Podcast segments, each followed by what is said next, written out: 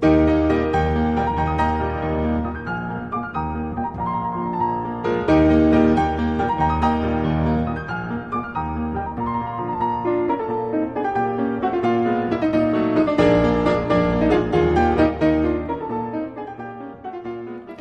Goeienaand en baie hartlik welkom by Skrywers en Boeke wat ons vanaand wy aan Elsa Joubert. Hierdie gevierde 60er skrywer, veral bekend vir die swerfjare van Poppy Nongena, het onlangs haar 95ste verjaarsdag gevier en sommer terselfdertyd 'n nuwe boek bekend gestel. Dit heet Spertyd en dit is die derde deel van 'n drie-luik outobiografie wat ingelei is deur Wonderlike geweld in 2005 en Reisiger in 2009. In Spartyd fokus Elsa Joubert op haar latere jare in 'n aftreeoord in Kaapstad, maar sy neem ook die leser terug na haar kinderjare en na haar jonger jare. Dis 'n lieflike boek wat baie goeie resensies gekry het En ek het vir Suzette Kotse Meiberg gevra om met Elsa te gesels in die aftreeoord in Kaapstad waar sy die afgelope paar jaar woon. En hulle gesels oor spertyd, die swerfjare van Popinongena, Elsa se siening van Afrikaans en tussendeur sommer 'n klompie lewenslesse. Tussendeur luister ons ook na van Elsa Joubert se gunsteling musiek, onder andere Johnny Raakvat uit David Kramer se Karoo Gitaar Blues en die baie bekende Zorbas Dans. Hier is Suzette Kotse Meiburg in gesprek met Elsa Joubert. Geniet dit.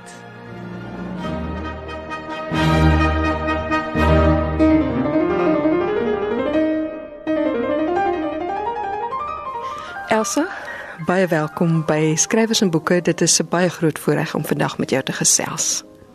Dit is baie lekker om hier te wees, dankie. Hierdie is jou boek nommer 21 as ek reg getel het sonder die vertalings. Jy skryf in spertyd al wat met die minimum angs aangepak kan word is die pad na die verlede. Is dit waaroor hierdie boek van jou gaan? Maar spertyd gaan oor oud word. Die minimum angs is omdat ou mense altyd angstig is. Jy weet jy kan maar enige ou mens kry selfs as hy moet moet uh, bang wees hy angstig. Nou ja, as jy nou wil skryf oor oor 'n tydperk of oor 'n stadium in jou lewe, dan is dit 'n reis wat jy kan aanpak sonder angs van dit het al gebeur en dis nou betragting. Dis 'n reis in die ouderdom. Want dit is vreemd, ons almal weet ons gaan oud word. Dit is 'n 'n ding so sonder ons kan lewe nie. Ons word groot met ou mense om ons. Ons weet daar is iets soos ouderdom wat se lei natuurlik na die dood toe. Maar wat vir my al meer blyk dit is ons het nooit 'n idee gehad wat ouderdom regtig is nie. Jy weet ons weet ons gaan oud word en ons weet daai tannie dan nou baie oud geword, bietjie kindsoek geword. En ons weet daai ouma loop swaar of daai ouma vertel stories oor en oor. So ons maar ons het nie nooit besef ons gaan dit ook ervaar nie. En ons gaan dit op 'n manier ervaar wat nog niemand anders gedoen het nie. Ons gaan ons eie ouderdom maak. En soos julle hier so sit, julle julle het miskien een gedagte van die ouderdom, maar julle ouderdom gaan miskien heeltemal 'n ander ding wees. So dit is regtig 'n avontuur. Die oud word van nuwe tafereele gaan oop voor jou en nuwe reaksies word van jou gevra en dan sê hulle aanpas. Jy moet aanpas daarbey, maar dis baie lelike woord. Aanpas is aanvaar dat jy dit nou altyd ek sê liewer te akkommodeer dit. Jy sê almal sê vir jou as jy oud is, ja, maar dis in jou kop. Jy is so oud soos wat jy dink jy is, maar jy sê nee, dis nonsens. Jy is so oud soos wat jou liggaam jou toelaat om te wees. Dit dit dit is definitief my my geloof en my ervaring. Ek meen ek kan nou opstaan vir oggend en voel soos 'n 17-jarige. Nou as ek my eerste vinnige tren neem en ek word duiselig en ek val neer dan sê ek nie meer 17 jaar oud nie. Maar my kop het tog vir gesê ek is 17 jaar oud. So jy is so oud soos jou oë, jou ore, jou hande, jou voete, jou bene, jou toelaat om te wees. En nog ander organe ook. In jou boek kom dit uit en uh, dit word ook bespreek in jou die eerste deel van jou outobiografie uh waar die insident beskryf waar jou sussie dood is toe sy 4 jaar oud was en jy was 8 jaar oud. En jy sê ook weer in hierdie boek kom dit uit dat jy van kleins af as gevolg daarvan 'n bewussyn gehad het van die dood. Wat eintlik my nagmerrie is die grawe grond wat op die klein kussie gegooi word. Die grafie was heeltemal uitgevoer met met net en blomme so dis het afgesak in 'n bed van blomme maar dit was my te aardige idee van ek by my ma nog die aand gehuil kan hulle nie 'n muurtjie bou om maar is dit dat sy nie diep onder hoef te gaan nie dit is so van 'n kamertjie is bo. Maar ek weet tot vandag toe ek staan in my testament ek wil gekremeer word ek ek wil nie begrawe word nie dit is maar net 'n ding wat in jou is jy weet. Toe jou man Klaas Steytler toe hy oorlede is uh in jou dankwoord sê jy agter dat met Klaas se dood het jy uh dokter Woerman leer ken en jy toe nog vir dokter Woerman gesê hou my net aan die lewe tot ek 90 is. Nou hoekom hou my net aan die lewe tot ek 90 is? Dit is 'n bietjie uit konteks uit aangehaal. Dit was omtrent toe ek 88 was ek gesê het dat ek besig was met hierdie boek en ek wou dit ook klaar maak nog 'n jaar en nog klaar te maak Dit is al wat was nie iets oor 90 nie. Waar kom die titel vandaan? Spertyd. Ons my man en ek en om baie van ons vriende is joernaliste. En soos jy ook weet, spertyd die Engels is deadline. En my seun en ek spot eendag want hy sê hy moet in sy werk wet verslae goed klaarmaak. Maar hy sê hy het hulle nie spertyd nie.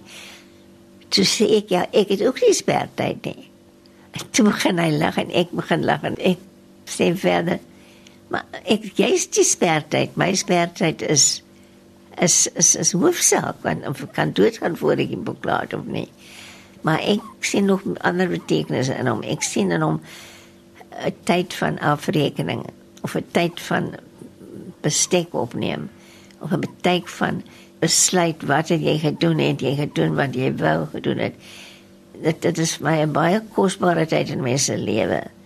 En ek dink almal moet probeer om om 'n bietjie van 'n opname te maak, jy weet, en en jy sien ander mense dan in 'n ander lig, jy sien jou ouers in 'n ander lig, jy sien jou kinders in 'n ander lig, jy sien ek dink self vir jou kleinkinders is dit is dit uh, ek het al vier agterkleinkinders. Vir jou kleinkinders is dit ook iets wat hulle sal onthou dit is nie op geleende tyd nie, dis glad nie dit nie. Dit is 'n tyd wat jy gegee is om wat noem hulle winkels as hulle dit goed reg pak wat noem hulle dit hulle ou voorraad opname. En en baie van jou idees of vooroordeele sien jy nou met ander oë en en jy sien ander mense met ander oë en jy sien daar's 'n patroon waarvan jy nie bewus was nie. Jy skryf, my pa het altoos vir my gesê, ek moet onthou wat die Grieke gesê het, volg die goue middeweg, maar ek kon nie. Ek het probeer, pappa, maar ek kon nie. Hoe so? Man, dit was daar weer kos by politiek. Jy weet my pa het gesê, don't rock the boat. Jy weet, uh, moet nou nie opstaan en, en beklaringen doen. En ek het hom baie kwalijk geneem, en hy was een leidingsvergier in die perl en hy kon so baie gedoen het as hy bietjie soms opgestaan het vir wat hy glo. Het maar hy was nie daai soort mens nie. Ek het gevoel as mense almal net altyd die middeweg volg sou nooit enige vordering in die wêreld kom nie want iemand moet uiters wees in hierdie op daai kant toe om verandering te voort te bring Jy sê ook juis in die konteks van NP van Wyk Lou se desjare sy uitspraak in sy boek Loyale Verset. Uh en dan sê jy verset moenie lojaal wees nie. Verset moet skril, sterk, afbreekend wees. En die verhaal dink ek waarvoor almal jou die beste gaan onthou is die swerfjare van Poppy Nongena. Het jy Poppy geskryf wat nie die 78 verskyn het as 'n manier om 'n protes teen apartheid uit te spreek? Absoluut, absoluut. Ek vind dit kon nie anders hier moes so wys want die omstandighede waarin ek ek my medewede ook geleef het en meer gedoen het was skrynend ek het kon dit daar dan nie meer vat nie. Selfs in die onderwys was dit so ongelyk. My sien, my kinders kry hulle vryboeke. Sy moet nou ekstra begin probeer verdien om boeke te koop. Ek meen dit is mos skreiend, dit is mos baie verkeerd. Man is nou al bekend sy het by my gewerk. En uh, ek sê vir kom nou ons aan hier elke dag van 11 tot 12 of wat ook al te gaan ons met bandopnames sit. En ons vat bandopnames dan sal ek het oortik en dan as ek het dan sal daar bandopnames soos boustene wees om 'n boek daaroor te doen. En ons het dit gedoen en die groot ding was dat sy my my moedertaal gepraat sy was Afrikaans eintlik. En dit was nog vir my meer skreiend, jy weet. Skreinend, né? En uh, en so die boek gegroei van al die vlenters herinneringe uit ek later op my spaarkamer se bed te pak het en volgorde om te kyk hoe 'n storie ek kan opbou. So dit was baie opbou in die storie. Want Pies vertel nie 'n storie van die begin tot einde, jy vertel mos Flanders. En die reaksie binne die Afrikaanse wêreld van die tyd. Jy was deel van 'n mens van maar die woord gebruik. Jy was deel van die establishment. Jy was toe al 'n baie gevestigde skrywer, bekroonde skrywer het daar negatiewe reaksie na jou toe gekom as gevolg van hierdie storie wat jy vir Afrikaanse mense, Afrikaanse lesers net oopgemaak het. Uh Poppy het 'n enorme invloed gehad binne die hele Afrikaanse wêreld. Het jou eie mense, as ek dit so kan sê, het hulle jou gekritiseer? Maar ja, oorweldigend vir my was want ek het die kriek verwag en ek het dan baie kritiek gekry al in destyds want ek was nou ons net van die skrywersgilde en ons het almal betrokke boeke geskryf maar wat my baie verbaas het ek het skrikkelik baie pos gekry. En oor die pos het ek nie een soos my man gesê het hartbrief gekry nie. Nie een nie. Want ek het van Engelse mense van swart mense van wit mense van Afrikaners van jonk van oud gekry. My so geroer een man, ou Engelsman uit Natal skryf my, you know for 30 years I had a garden boy and now I have a man with children and with nieces and nephews and grandchildren working in my garden. Dat sy oë so opgegaan het was vir my so beteken, jy weet, ek was baie ontroerd. Eh, wat mense betref het, een was baie vooraanstaande man op 'n regeringsvlak en 'n ander een was of was sy vrou en die ander was 'n vrou van 'n predikant en die ander het teer by baat gevind het uit die apartheid stelsel en uh, hulle uh, sê vir my die een ek het weer aan aan etenstafel het ek het ek iets gesê en dus die nou as geëet het toe in die slaapkamer kom ons nie sit en poeier toe toe vat sy my na die venster toe en sy sê my hulle het hoog opgewoon. Kan jy sien daar onder lê die hawe en daar lê baie skepe. Nou klim op een en gaan weg. As ons so sleg is vir jou, klim op een van die skepe en gaan weg. En 'n ander een weet my kom gesê het hoe durf ek my volk se vuil was goed in die openbaar was. Toe sê kom dat dit vuil was. Ek meen ek ek ek niemand anders luister nie. Hoeveel keer het ek nie by sendingkongresse of by kroningspregtighede of by sommer bloot net 'n uh, eh, jaarfunksies, ek weet van 'n rapportreis het by gevra. En ek het gedink julle weet nie wat julle vra nie, maar ek sou gaan. Toe sê ek ek sal net kom as ek kan praat oor die opkomende skrywers in Afrika. Want dit was toe my hobby eintlik, my stokperdjie en hulle sê goed en wel en hierso na die ete en die drank en hulle almal nou lus is vir 'n paar skeidsgrappe toe staan op op 14 bladsye uit van my studie oor die swart skrywers en ek begin dit vir hulle vertel ek het ingekry my my nie my hou nie maar ingekry waar ek kon het ek my andersins wys ek moet sê een of twee begin uh, lyk like aan die begin van hulle gaan aan die slaap raak, maar hulle het gou wakker geskrik en geluister. Maar ek het baie kritiek gekry en en, en agter my rug seker nog baie meer.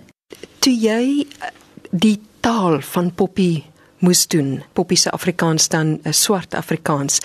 Hoe het jy dit reg gekry? Want ek onthou toe ek destyds die boek gelees het, was dit vir my so treffend, Poppy se Afrikaans. Dit was treffend geweest en my ook getref. En ek het uh, soms al band goed laat sê en dan skryf ek dit letterlik neer. Maar ek weet ek moet gaan na Fred Leroux, hy was destyds begin was professor in Stellenbosch en drama. Hy sou dit persklaar maak. En hy sê vir my dis vir my warabel vir my, weet jy hoe met versklaar kan maak. So sê ek, kom ons gaan nou sit. Ek weet sy gebruik elke keer as hulle gejaag word of die kinders gevang word, iets dan gebruik sy 'n ander woord vir polismanne. Poliste, polisies, polismanne, ag honderde maniere. Toe sê ek vir Fred, ek dink ons moet 'n lys maak en net daai gaan ons toelaat. En dan bly ons konstant op daai paar. Ons kan nie al hierdie name Maar jy sien, ek was ek, maar moet ek dit self sê, ek was in 'n baie goeie posisie om daardie boek te skryf want ek het self nie swart taal gepraat nie. Maar uh, ek het dus nog baie die drink van Nederlands van my ouma en my oupa in die kerk en die psalms het ons nog in Nederlands gesing en haar ouma was 'n gelowige kerkvrou. En as hulle sing, maar dit vreeslik baie gesing. Die ouma het al die Nederlandse en as hulle bid ook het hulle Nederlandse goed gebruik en daarbey het hulle Engels 'n soort van uh, township Engels gemeng en hulle Afrikaans gesê en die tale het mekaar beïnvloed. Het hulle kosse ook gepraat en ander tale ook. Hulle selfs aan die Afrikaanse taal het hulle nuwe betekenisse gegee. En toe sê taalkundiges my dit is wel van vreeslike belang want as dit nou ontwikkel dan kan dit heeltemal 'n nuwe dialek amper begin. Soos byvoorbeeld hulle familie is baie belangrik. Die ma, doen hulle nie ma nie, doen hulle tannie. En dan die ma se oudste suster is grootma, né? Die jongste suster is kleinma. Dit was my baie mooi kleinma of grootma, dis soos die tannie opgaan.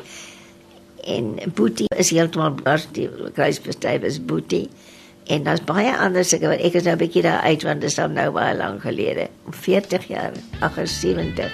Ja. Elsa, jy was uh, jou lewe lank 'n reisiger. Die tweede deel van jou autobiografie se titel is Reisiger. Is daar 'n reis wat jy kan uitsonder as iets wat uitstaan? Man, my reise in Afrika. Ek is as kind baie beïnvloed want my ma was 'n Marie en die Maries was sendlinge in Nyasaland en ook in Noord-Transvaal daai streke. En ek het groot geword as die, om my ooms en tannies wat nou sendlinge is bring goed terug van die Midde-Afrika na die Parel toe en geweefde mandjies en lappies en sulke goed en maatjies en dit is vir my 'n baie aanloklike donker wêreld man man aan die ander kant my pa en ma was nou was nou laat Victoriaans. Hulle van daai tyd was dit baie hulle het omtrent 4 Europese reise oorleef. Hy is my man in onderwys, hy was by die college. Dan bly ons ek en my broer by my oupa en ouma en ons stuur vir ons poskaartjies. Want hulle voel ook sleg om ons so lank te los, want ons aan 4 maande of 6 maande want ons moet nie vliegtye nie. Gewees nie, net die skepe van 14 dae om daar te kom. Man en dan is dit vandag gesit is dit Hollandse kindertjies met klompies aan. Dan is dit Italiaanse dogtertjies met rokkies wat dans. Of vissermanne wat die parels uitduik en daai is wel goed. So ek het baie groot geword met die bekoring van ander plekke. En vir al Europa die oorlog uitgebreek het dus ek het matriek geskryf net. Toe gaan ek universiteit toe vir die eerste 4 jaar op universiteit is ek in oorlogstyd daar en ons het niks kontak met met die buitelandse universiteite nie. Ag dit was so uh, ellende in Europa en so kry en miserabel. Ek weet nou was nie interaksie of uitmenging nie. My pa het altyd sê ek gaan na Fleet Street toe stuur om journalistiek te doen. Maar daar was heeltemal weg. Fleet Street was plat gebombardeer. En uh, toe gaan meeste van ons ek praat nou van mense wat julle ook ken. Voor Jan Rabie wat uh, ook in daai tyd 'n skrywer was. Hy is weg Europa toe en Sheila Cousins nou aan Petit dan was weg Europa toe en baie van ons geslag is Europa toe as jy kon dit bekoste. Nou ek wou wegkom uit die land het my bietjie benoud geword en ek het toe kennis gekry het by die huisnood gewerk en ek het baie lekker werk gehad en ek het kennis gegee en ek het begin spaar. Ek het nog nooit in my lewe geskryf as daai half jaar nie. Maar ek het vir alles geskryf vir die kinderprogramme die radio, vir die radio, vir die kinderblad, vir die jongspan. Daar was nog 'n woord te tiener gehad, nie, maar vir die jong mense, hulle stokperkies, ek het vir die vrouens het ek raad gegee oor die babas. Vir die kleuters het ek storieetjies opgemaak om te om te spaar en ek het ek het genoeg geld gehad na 6 maande om maar die geld was ook anders. Ons het vreeslik min gekry vir 'n artikel iets 'n paar shillings. Ons het nog in shillings gewerk, shillings en ponde, ja. Maar pond het jy nooit gekry vir 'n artikel dit was te veel. Wel toe was my my ambisie was ek was altyd maar baie avontuurlustig kind en my ambisie was ook om te gaan kyk waar die Nyl begin. Ek het erns gelees jy kan op die Nyl ry omtrent van sy oorsprong tot by sy mond in Kaïro. Dit was 'n my ambisie om dit deur Afrika te doen. Alleen man en en met min geld. Afrika was al baie troebel nog. Dit was al kolonies wat bietjie onrustig was oral. Dit was in 1948 het ek dit gedoen. Ek het nooit onveilig gevoel nie vir my was dit nou vir hulle aardigheid dat 'n jong meisie daar kom en hulle hulle voete geval om my te help. Jou groot Afrikaanse roman is Die reise van Isabel wat ook die Hertzogprys gekry het. En in Die reise van Isabel trek jy eintlik al hierdie wêrelde bymekaar van jou ouma se Victoriaanse lewens, jou paale tot in die moderne wêreld mens kan sien soos die boek vorder, raak jou taal ook meer modern. Is die reis van Isabel vir jou ook jou groot roman of is daar 'n ander een wat jou nader aan die hart lê? Man reis van Isabel het ek gedoen wat ek wou, ek wil 'n hele eeu in in, in swart en wit op papier hê. En dit ontstaan van in Engeland na Poppy se vertaling publiseer is die uitheers daar vir my ontvang en onthaal het so aan en want hy het toe 'n prys ook gekry in Engeland. En dus neem die die vrou wat dit hanteer het vir my Meg Margaret Body was haar van naam neem my sy vir my en vir Klaas na restaurant vir lunch.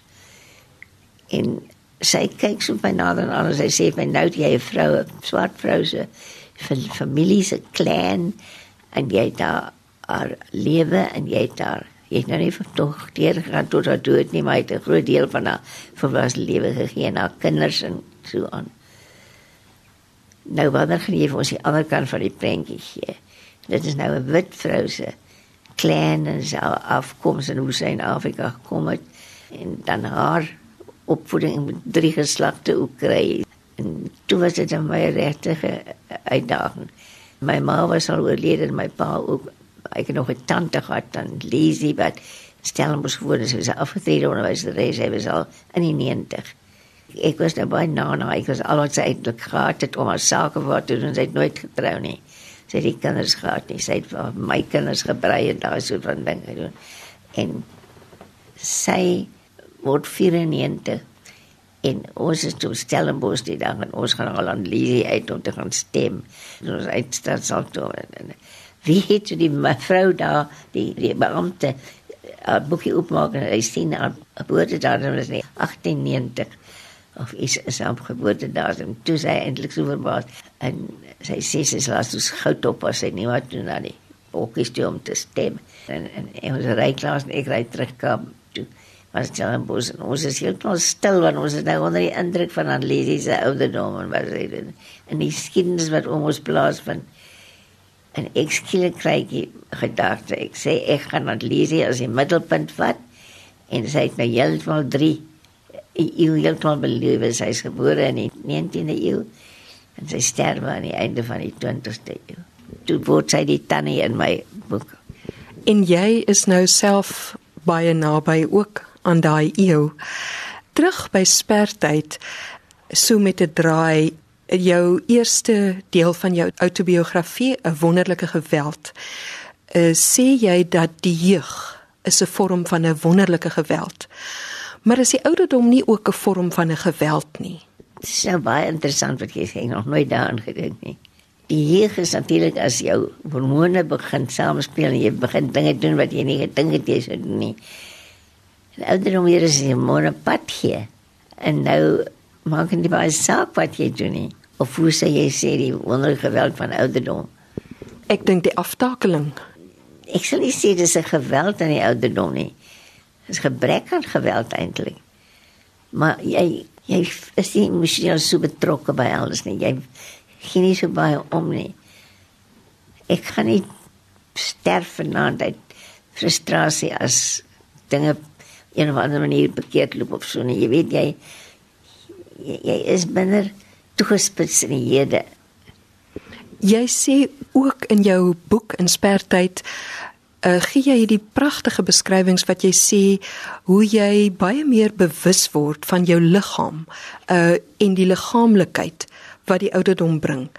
Jy sê wanneer 'n mens baie oud word soos ek, is dit asof jou liggaam al hoe meer op die voorgrond kom en dan beskryf jy hoe jy jou liggaam meer waarneem in die ouderdom. Ja, die liggaam is so baie wonderlik. Jy kan vir ure kyk na die vingers van jou hand en hoe hulle beweeg en sit die twee vingers die ander mekaar, die vingers vleg aan mekaar en probeer dan kyk of jy die een wat jy aan dink kan beroer, kan roer en soms kan jy nie, jy weet jy, ek wil die vierde vinger van die linkerhand roer en hy wil nie roer nie.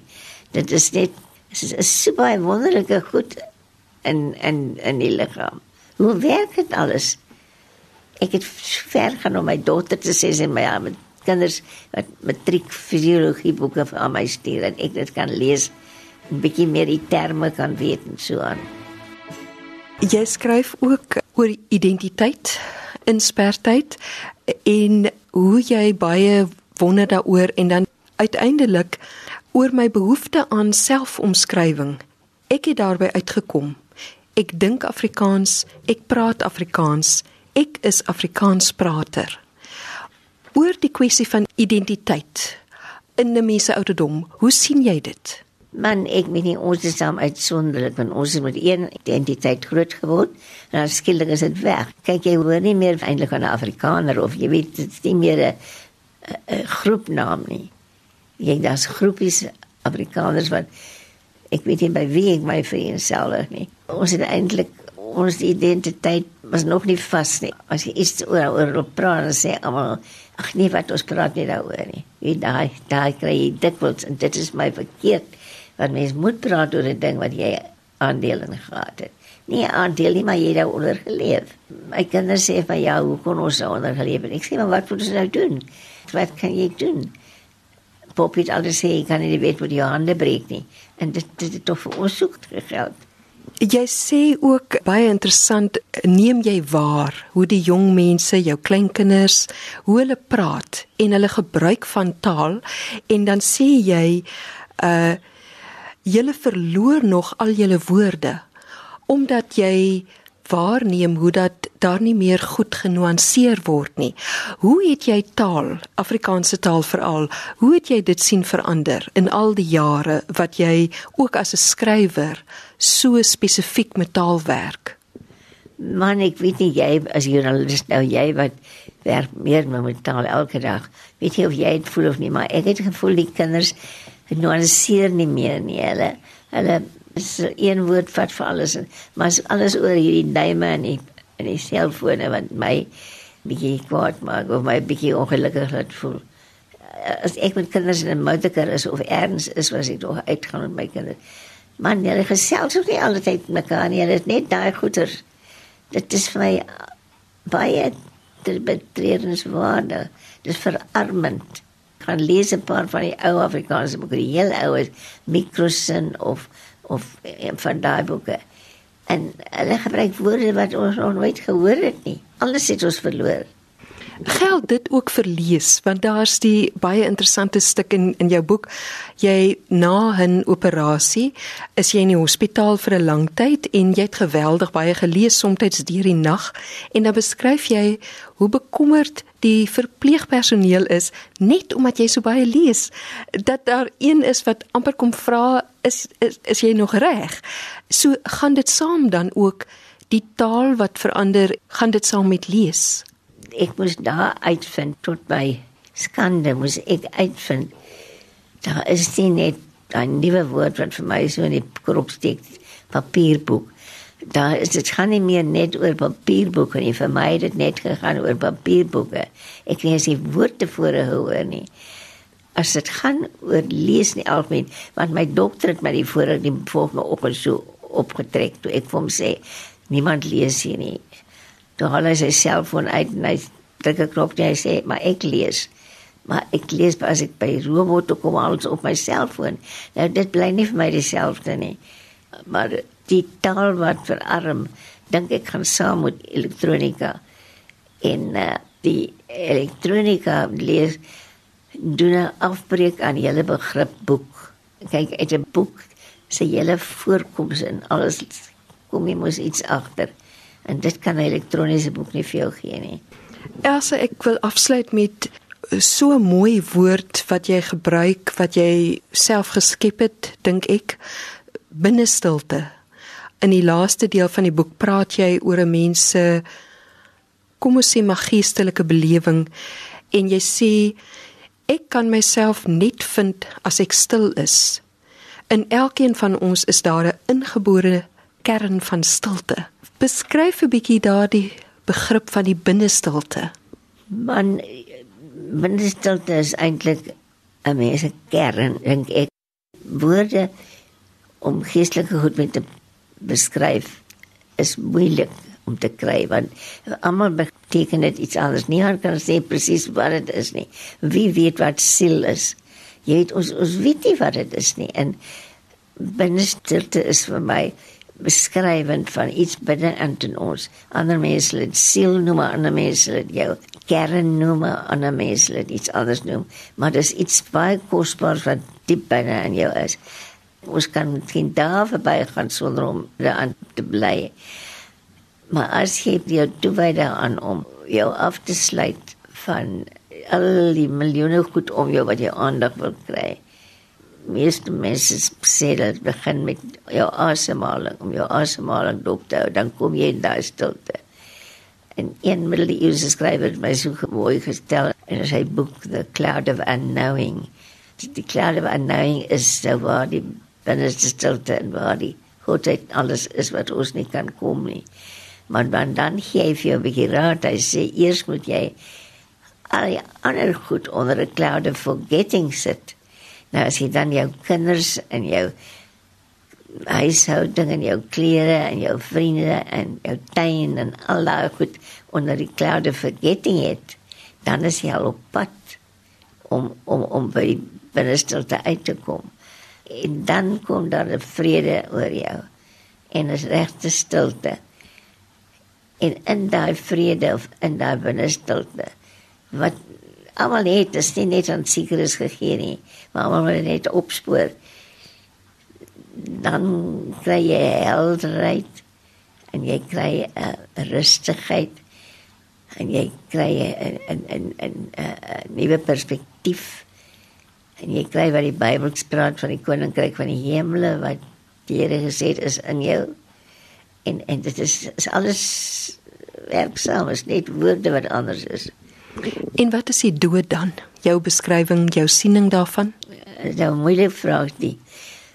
Want ek het een hoofstuk die voorlaaste hoofstuk klaar geskryf met 'n baie poëtiese voel van die dood dat jy as jy hierso in daai binnestilte al hoe meer probeer lewe, dan is dit net verder gaan en daar die stilte nou dis nou baie mooi. En toe moet ek weer skielik hospitaal toe gaan. Ek ken daai laaste toneel. En op in die hospitaal word daai hele toneel aan my op 'n skinkbord gegee. En ek durf dit nie weier nie. Uh, jy weet daai die hele uh, oomblik daar in die badkamer. Ek het baie ontsteld gevoel die oggend dat ek sê vir die dokter toe hy kom. Hy vra hoe gaan dit nie gaan goed man, bring my net 'n bier en 'n potlood. En hy, hy bring dit vir my daar en ek, ek sit en skryf die hele ding net soos dit ervaar het. En ek het nie 'n woord verander nie. Ek het huis toe gekom en ek op my sien gaan uithaal en ek het dit gaan oortik daar. En ek het nie 'n woord verander nie want ek het gevoel dis soos dit aan my gegee is. En ek kry nooit hierdie dinge ingewe. Dit is nie ek ek is nie van daai begenadigdes wat 'n ingewing gegee word nie. Want dit is 'n gegee, toe voel ek ek moet dit so skryf. En daar weet mens nog minder wat die dood is. Is dit net 'n blaartjie wat toefel? As dit nag word, is dit net 'n stoffie wat opkom in die pad en dan gaan lê. Maar wat in maar ek probeer sê dat die blaartjie en die stoffie wie ook al voor hulle gaan lê, voor hulle uitgewis word sien kyk kyk hulle in die ek wou gesê die aangesig van van glorie of van skoonheid of van krag. Jy gebruik so 'n mooi begrip daarvoor die skepende krag wat die hele wêreld en die al wat bestaan omvat. Elsa baie baie dankie vir die gesprek en ek wens jou nog jare toe. Baie dankie. Dankie hoor, baie dankie. Wat 'n wonderlike insiggewende gesprek. Baie dankie Elsa Joubert dat jy met Suzette Kotse Meiburg gesels het en baie dankie ook vir Heidi Miller wat saamgegaan het om vir Suzette bietjie met die tegniese dinge te help. Hy het ook 'n video geneem wat op ons webwerf te sien is en daar lees Elsa Joubert voor uit Spertyd haar nuwe boek. Die boek word uitgegee deur Tafelberg en dit kos R275 En Spertyd is 'n wonderlike besinning oor die lewe en beslis een van my persoonlike leeshoogtepunte van 2017. Stuur gerus 'n e-pos en vertel vir ons wat het julle van vanaand se gesprek gedink. Skrywers en boeke by rsg.co.za of via die webwerf direk na ons ateljee of natuurlik kan jy soos altyd 'n SMS stuur na 45770. Ons het ook van Elsa Joubert se gunsteling musiek in die program gespeel, onder andere Johnny Raakvat uit die Karoo Gitaar Blues van David Kramer en Zorba se dans. Die program is ingelei deur 'n stukkie uit Beethoven se 5de klavierkonsert en ons gaan ook uitspeel vanaand met 'n stukkie van Beethoven. Volgende Woensdag aand om 8uur is ek terug met nog gesprekke oor skrywers en boeke. Dan gesels ek met Nelia Engelbregt oor haar Poort Tiener Fantasie reeks. Daar's 4 boeke in die reeks en van die jong luisteraars kan weer boeke wen. En ek gesels ook met James Stein oor sy boek oor Chris Barnard getiteld Hartebreker. Onthou ook dat vanaand se gesprek met Elsa Joubert beskikbaar is op ons webwerf onder potgoeie as jy dit dalk misgeloop het of as jy eers halfpad ingeskakel het. Tot volgende week dan, geniet die eerste dae van die vakansie vir die wat al vakansie het en vir die res van ons, dis amper Kerstyd. Ons kan amper 'n bietjie rus. Intussen, ek hoop jy het 'n kas vol boeke om te lees. Totsiens.